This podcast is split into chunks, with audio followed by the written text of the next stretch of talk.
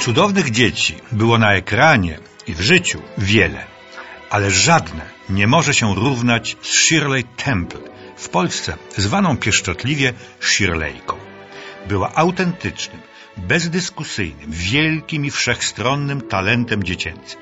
Mała Shirley równie dobrze grała, jak i śpiewała i tańczyła. A wszystko zaczęło się w 1931 roku, kiedy mama, Gertruda Temple, posłała swą trzyletnią córeczkę na lekcję tańca. To w czasie tych lekcji odkrył ją przedstawiciel wytwórni Educational Pictures w oryginalny sposób popularyzującej oświatę. Wytwórnia ta produkowała bowiem dziecięce burleski, w których maluchy parodiowały sławne gwiazdy hollywoodzkie. Taką rolę powierzono też małej Shirley.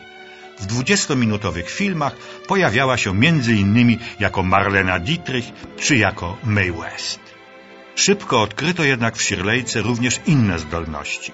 Jej oszałamiająca kariera zaczęła się w 1934 roku. Miała wtedy sześć lat i trwała nieprzerwanie do 1938 roku.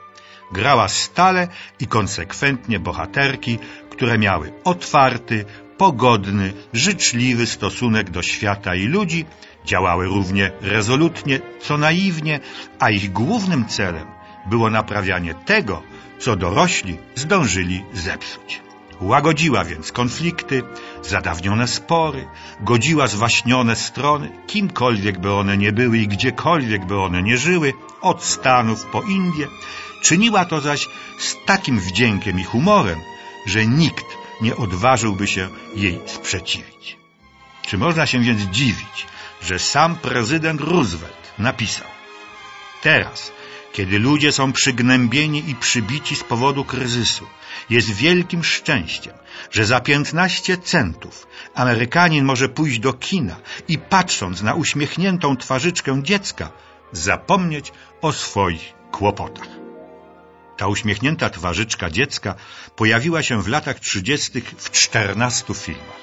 Najgłośniejszymi były Mały pułkownik, złotowłosy brzdąc, Mały buntownik, buziaczek, Strzelec z Bengali, Moja gwiazdeczka, Słowiczek, Mała księżniczka. Wyparła z list najbardziej kasowych gwiazd takie sławy jak Greta Garbo czy Marlena Dietrich. O zarobionych pieniądzach nie wspominam. W roku 1935 otrzymała specjalnego, honorowego Oscara za wyróżniający się udział w filmowej rozrywce. Laureatka odebrała nagrodę pięknie się kłaniając i wdzięcznie uśmiechając, ale uroczyste, prestiżowe przyjęcie uznała podobno za wyjątkowo nudne. Wszystkie ówczesne mamy chciały, by ich córeczki były takie jak Shirleyka. Jeśli nie mogły zrobić filmowej kariery, bo nie miały takiego talentu, to przynajmniej by wyglądały tak jak ona. Świat został zarzucony gadżetami z podobizną małej księżniczki, słodkiego buziaczka i uśmiechniętej gwiazdeczki oraz przedmiotami ją przypominającymi. Masowo produkowano lalki, sukienki, książeczki itd., itd. Dzieci mają jednak to do siebie, że dorastają wyrastają, a z czasem dorośleją.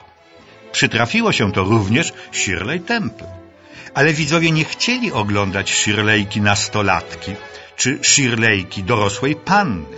I choć grała w różnych, wcale dobrych filmach, między innymi w znakomitym, przełomowym westernie Johna Hustona Fort Apache z Johnem Wayne'em i Henry Fondą, jej, jak to się mówi, gwiazda szybko gasła.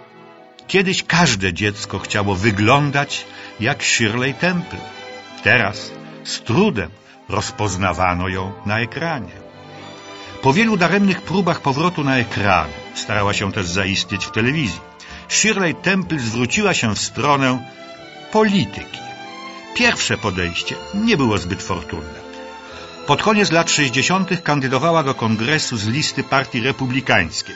Przepadła ale prezydent Richard Nixon mianował ją reprezentantem USA w Organizacji Narodów Zjednoczonych. Natomiast w latach 1974-76 pełniła funkcję ambasadora Stanów Zjednoczonych w Ganie, po czym została szefem protokołu dyplomatycznego. Prezydent George Bush, ojciec obecnego prezydenta, mianował ją w 1989 roku ambasadorem w Czechosłowacji. Nie nazywała się już jednak wtedy Shirley Temple, lecz Shirley Black. Przez cztery lata, 45-49, była żoną aktora Johna Agara. Po rozwodzie z nim wyszła powtórnie za mąż za szefa jednej z korporacji telewizyjnych Charlesa Blacka. Któż jednak dziś pamięta o jej karierze polityczno-dyplomatycznej? Dla kinowych i telewizyjnych widzów pozostanie ona zawsze uśmiechniętą, radosną, szelmowską, złotowłosą Shirleyką, małą, wielką gwiazdą dawnego kina.